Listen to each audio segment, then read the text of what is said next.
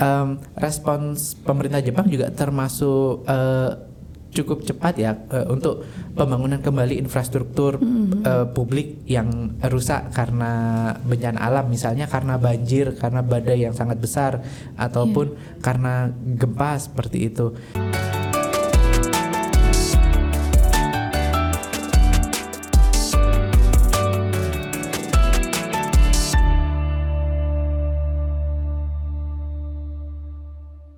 Assalamualaikum warahmatullahi wabarakatuh Sobat Ngalir.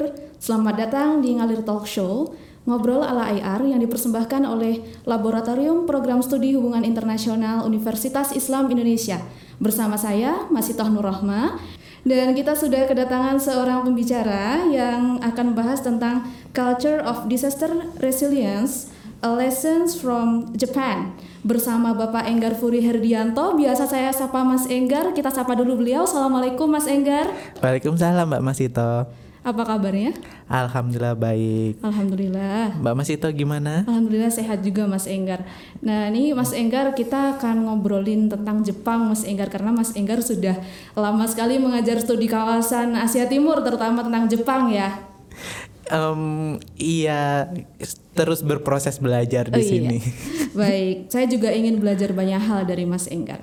Nah, di sini Mas Enggar saya ingin menyampaikan sesuatu nih beberapa fakta. Mungkin Mas Enggar juga udah tahu, sobat ngalir mungkin juga udah tahu ya bahwa uh, kita Indonesia dan juga Jepang adalah negara yang ada di kawasan Ring of Fire gitu dan kita tentu saja karena uh, kawasan Ring of Fire kita rentan oleh bencana gitu.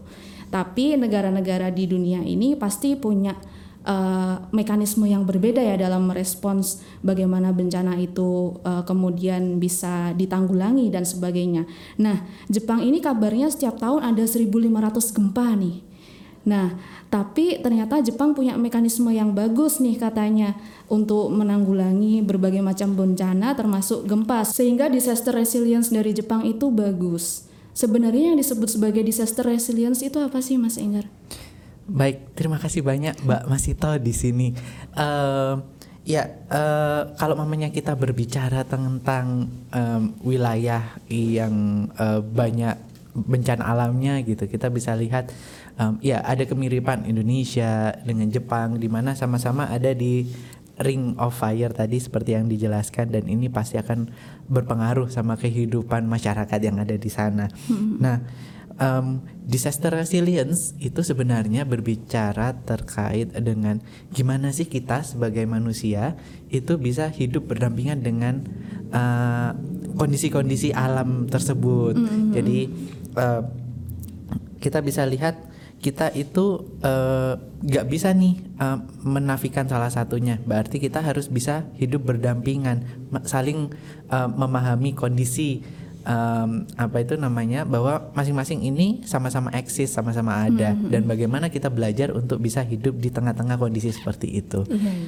Dan um, apabila kita melihat um, apa itu namanya kejadian alam pasti itu banyak yang tidak bisa dikontrol oleh manusia dan uh, di sini kita bisa lihat uh, mulai dari yang um, sering kita dengar di berita deh kita bisa lihat ada hujan badai hmm. atau kekeringan. Yeah. Selain memang um, itu tadi kalau mamanya kita berbicara terkait ring of fire berarti itu ada um, apa uh, letusan gunung berapi lalu ada gempa bumi, ada tsunami bahkan di beberapa lokasi seperti itu. Dan um, itu memang kemudian kita bisa lihat nih komunitas atau masyarakat yang tinggal di wilayah-wilayah tadi pasti akan terbangun um, walaupun mungkin tingkat atau derajatnya berbeda-beda ya tergantung uh, will, uh, orang itu tinggal di mana dan bagaimana terkait awareness terkait dengan bencana-bencana tersebut. Tapi pasti ada um, apa itu muncul disaster resilience bagaimana hmm. bisa bertahan di tengah kehidupan hmm. itu tadi.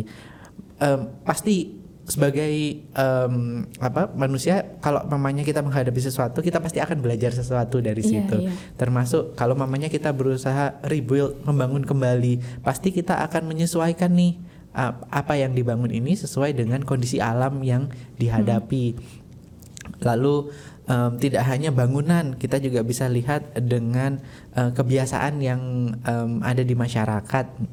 Uh, misalnya, kalau mamanya kita uh, apa, kita bisa lihat nggak usah jauh-jauh di Jogja di uh, di sekitar kawasan Gunung Merapi misalnya. Hmm. bagaimana di sana komunitas masyarakat di situ itu mereka sudah membangun jaringan untuk saling menginformasikan apabila ada perubahan status dari Gunung Merapi dan um, ada saluran komunikasi khusus yang uh, telah disiapkan uh, terkait dengan kebijakan-kebijakan pemerintah misalnya. Apakah perlu melakukan evakuasi atau ada hal-hal lain yang perlu diwaspadai oleh masyarakat seperti itu dan itu itu salah satu bentuk disaster resilience yang bisa kita lihat di sekitar kita ya berarti intinya kita perlu uh, adaptif dengan iya, uh, lingkungan kita. Gak pasrah aja ya berarti?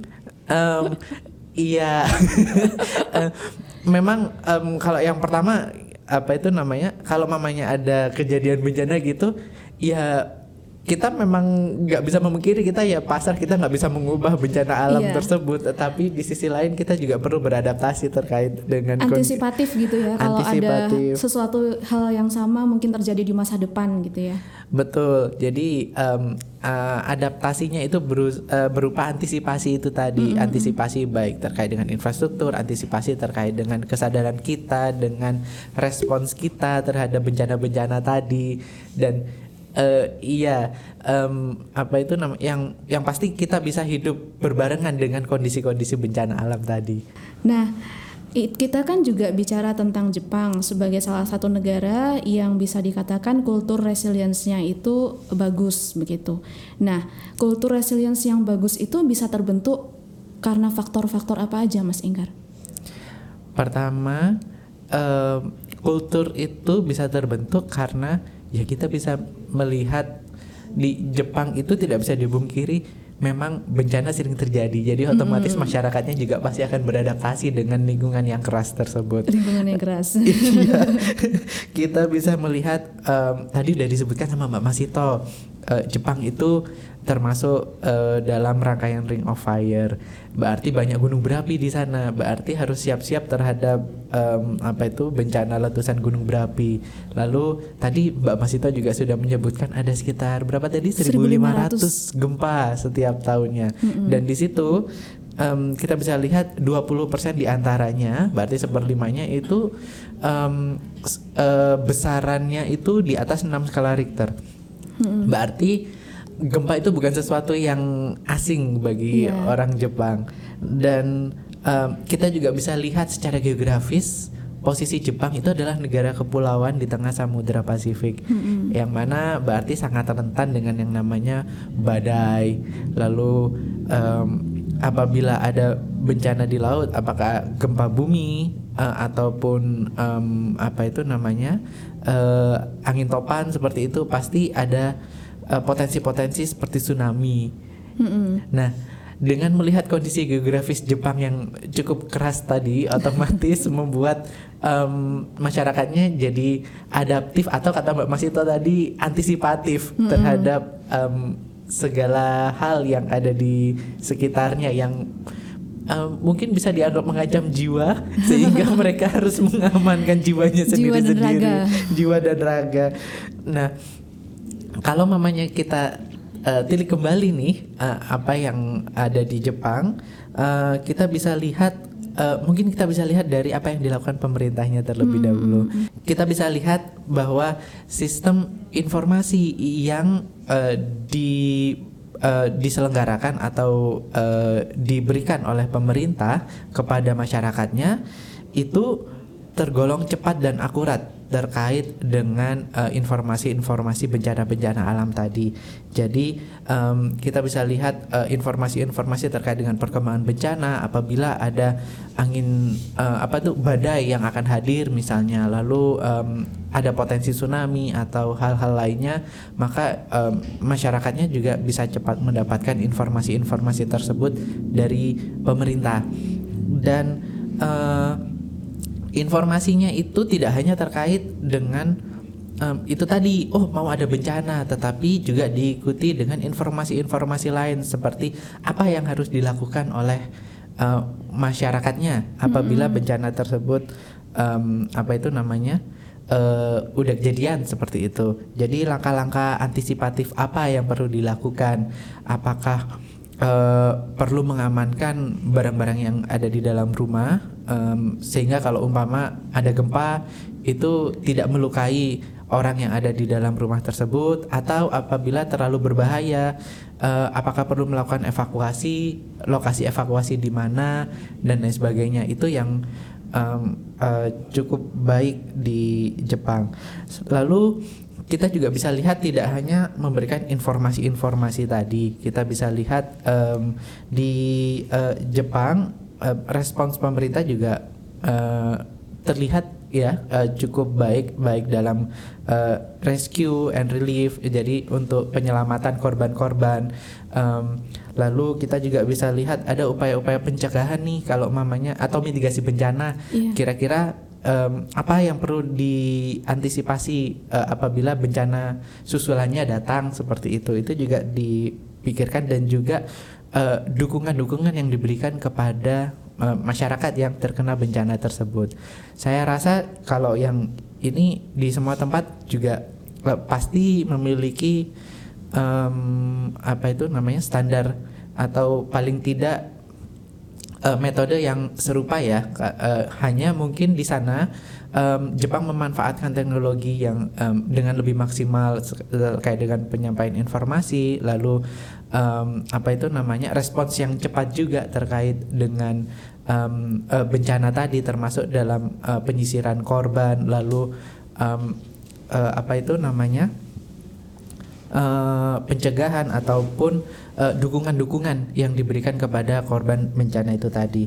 Dan pasca bencana kita juga bisa lihat bahwa um, respons pemerintah Jepang juga termasuk uh, cukup cepat ya uh, untuk pembangunan kembali infrastruktur mm-hmm. uh, publik yang rusak karena bencana alam misalnya karena banjir karena badai yang sangat besar ataupun yeah. karena gempa seperti itu uh, kita bisa lihat sering nih uh, apa beberapa kali kan ada berita tuh wah di Jepang hanya dalam waktu berapa hari jalan yang rusak karena banjir sudah sudah diperbaiki uh, sudah ya. diperbaiki bisa dipakai lagi betul karena kita bisa melihat infrastruktur itu hal yang penting ya terutama untuk distribusi-distribusi bantuan yang dibutuhkan ataupun um, transportasi masyarakat yang ada di sana.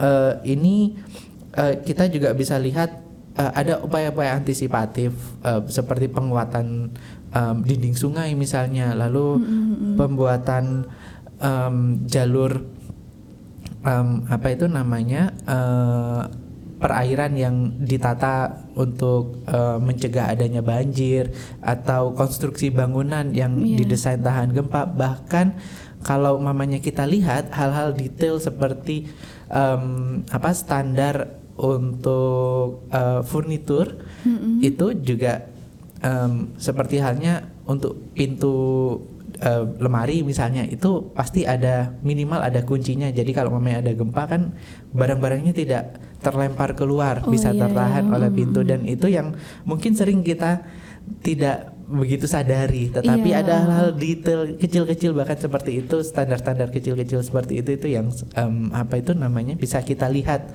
ada di uh, kelompok masyarakat Jepang dan uh, selain itu tadi uh, terkait infrastruktur publik untuk korban-korban um, yang uh, menderita kerugian karena propertinya ada yang rusak, pasti juga ada uh, bantuan-bantuan untuk rekonstruksi walaupun tidak 100%.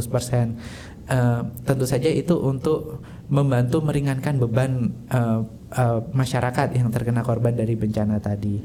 Dan di sisi lain itu itu dari um, apa itu namanya uh, respon terkait bencana yang terjadi. Tapi di sisi lain kita juga bisa lihat nih bahwa ada penanaman kesadaran atas disaster awareness mm-hmm. sejak kecil dan uh, kita bisa lihat upaya-upaya untuk penanaman um, awareness terkait bencana itu itu sudah dijalankan sejak di sekolah uh, diajari bagaimana kalau mamanya ada gempa misalnya yeah. apa yang harus dilakukan apabila di dalam ruangan titik kumpul di luar dan lain sebagainya. Um, untuk di Indonesia saya rasa untuk titik kumpul uh, terutama di Yogyakarta ya karena pernah ada gempa yang cukup besar itu hmm. mungkin awareness terkait dengan titik kumpul seperti itu itu mungkin sudah sudah ada tapi uh, apa itu apa itu uh, tidak semua institusi nampaknya di Yogyakarta itu cukup uh, mensosialisasikan terkait yeah. dengan iya. titik-titik kumpul yang ada hmm. di masing-masing lokasi itu mungkin itu yang uh, yang bisa kita pelajari dari sana. Lalu uh, penyebaran informasi terkait dengan uh, disaster awareness tersebut di baik um, apa uh, secara publik um, melalui iklan masyarakat ataupun penyediaan aplikasi khusus um, untuk mempelajari apa yang harus dilakukan itu itu juga tersedia di Jepang dan uh, yang pasti di sana juga ada um, apa itu namanya memungkinkan adanya um, uh, turut andilnya volunteer pemuda untuk yeah. bisa uh, ikut um, berkontribusi aktif di kegiatan-kegiatan uh, mitigasi bencana tersebut yang mana um, ini adalah hal yang menarik yang mungkin bisa kita uh, tiru ya bagaimana kita, um, kita juga bisa mengajak secara aktif Eh, generasi-generasi uh, muda agar juga aware terkait dengan isu-isu seperti ini. Iya, Mas Enggar sangat menarik ya. Kalau saya boleh menyimpulkan sih, sebenarnya uh, kultur resilience ini terbentuk tidak hanya masalah masyarakatnya saja, tapi juga bagaimana pemerintah mengelola sumber daya yang ada dan bagaimana pemerintah berupaya mengedukasi masyarakat begitu. Sehingga saya pikir uh, kolaborasi antara pemerintah dengan masyarakat itu sangat penting begitu. Terutama ketika kita melihat kultur ini harus sudah terbentuk sejak dini begitu. Ketika uh, warga Jepang itu masih apa namanya di bangku sekolah begitu. Sehingga mereka memiliki kesadaran yang tinggi terhadap lingkungannya begitu. Uh, mungkin saya punya satu lagi sebuah pertanyaan Mas Enggar, yakni kita bisa belajar apa sih dari situasi yang ada di uh, negara sahabat kita Jepang dan kalau kita implementasikan di Indonesia bentuknya mungkin seperti apa Mas Enggar? Baik, terima kasih Mbak Masito.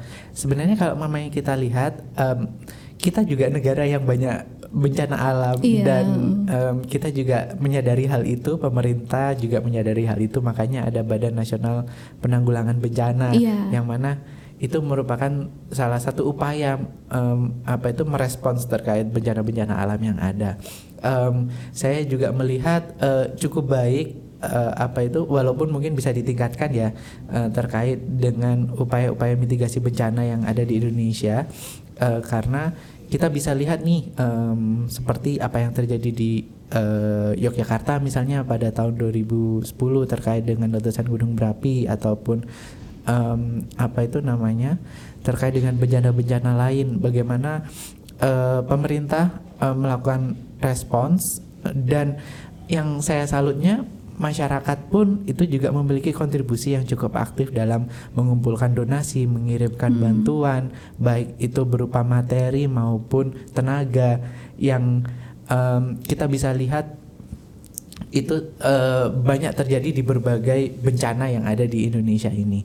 Uh, namun begitu kita juga bisa melihat nih ada hal-hal yang mungkin bisa kita tingkatkan. Pertama terkait dengan disaster awareness tadi. Yeah. Jadi kita tidak hanya berfokus pada bagaimana merespons terkait dengan bencana yang terjadi, tetapi juga bagaimana melakukan edukasi, edukasi uh, di semua golongan masyarakat, baik yang muda ataupun tua. Uh, itu kita bisa coba tingkatkan uh, disaster awareness tersebut uh, terkait dengan mitigasi bencana. Uh, lalu apa sih yang dilakukan um, apa itu namanya apabila ada gempa, apabila ada letusan gunung uh, berapi seperti itu. Nah, lalu di sisi lain kita juga bisa uh, apa melihat dengan informasi-informasi um, yang diberikan uh, kepada masyarakat. Jadi informasi-informasi um, tersebut uh, memang akan uh, sangat efektif apabila uh, menggunakan teknologi informasi yang sudah ada. Uh, bagaimana saat ini masyarakat kita adalah masyarakat yang sudah uh, apa digitalized Iya. Eh, pasti eh, semua sudah terkoneksi dengan eh, internet ataupun jaringan komunikasi em, digital. Di sini mungkin ini bisa dimanfaatkan nih. Memang selama ini eh, informasi-informasi itu cepat salah satunya dari twitternya BMKG misalnya. Iya. Namun em, akan lebih baik lagi kalau mamanya bisa ditingkatkan dengan em, apa itu SMS alerts ataupun em, apa itu namanya peringatan-peringatan bencana Iya. lainnya yang bisa diakses lebih cepat oleh masyarakat dan juga um, sekaligus diinfokan apa yang harus dilakukan oleh masyarakat sehingga um, walaupun di tengah kepanikan mereka tahu apa yang harus dilakukan seperti itu. Itu mungkin juga bisa menanggulangi hoax juga ya. Karena Betul. sering kali ketika ada gempa misalnya tiba-tiba ada broadcast ada tsunami gitu. Iya kan Mas Inga?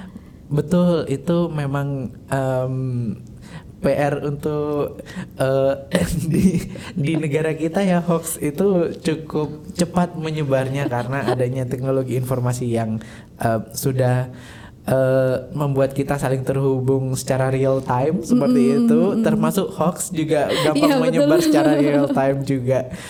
Mm-mm. Dan apabila ada saluran eh, komunikasi secara langsung dari pemerintah yang bisa memberikan informasi langsung ke device masing-masing eh, orang, terutama yang ada di wilayah yang terdampak, pasti itu akan sangat eh, bisa membantu mengurangi hoax seperti yang Mbak Masita sampaikan. Mm-mm. Jadi memang kerjasama antara pemerintah dan kooperatif eh, dari masyarakat itu sangat penting ya untuk Betul. eh, tidak hanya merespons bencana yang sudah terjadi, tapi juga bagaimana mengantisipasi supaya kita lebih adaptif terhadap sesuatu yang mungkin terjadi di depan gitu. Baik sobat ngalir itu tadi diskusi yang sangat menarik dengan Pak Enggar Furi Herdianto. Kita tak terasa waktu sudah tidak berpihak kepada kita sehingga saya harus mengakhiri diskusi kita kali ini. Terima kasih Mas Enggar atas kesediaannya untuk berdiskusi di podcast ngalir ngobrol ala IR eh, pada kesempatan kali ini. Terima kasih juga Mbak Masito telah mengundang saya di acara ini. Ya, sama-sama Mas Enggar. Mungkin lain kali kita bisa ngobrolin negara lain juga ya. Siap. Oke, terima kasih. Sobat Ngalir, jangan lupa like, komen, dan subscribe channel Department of International Relations UII. Saya masih Nur Rohma dari Universitas Islam Indonesia undur diri. Wassalamualaikum warahmatullahi wabarakatuh.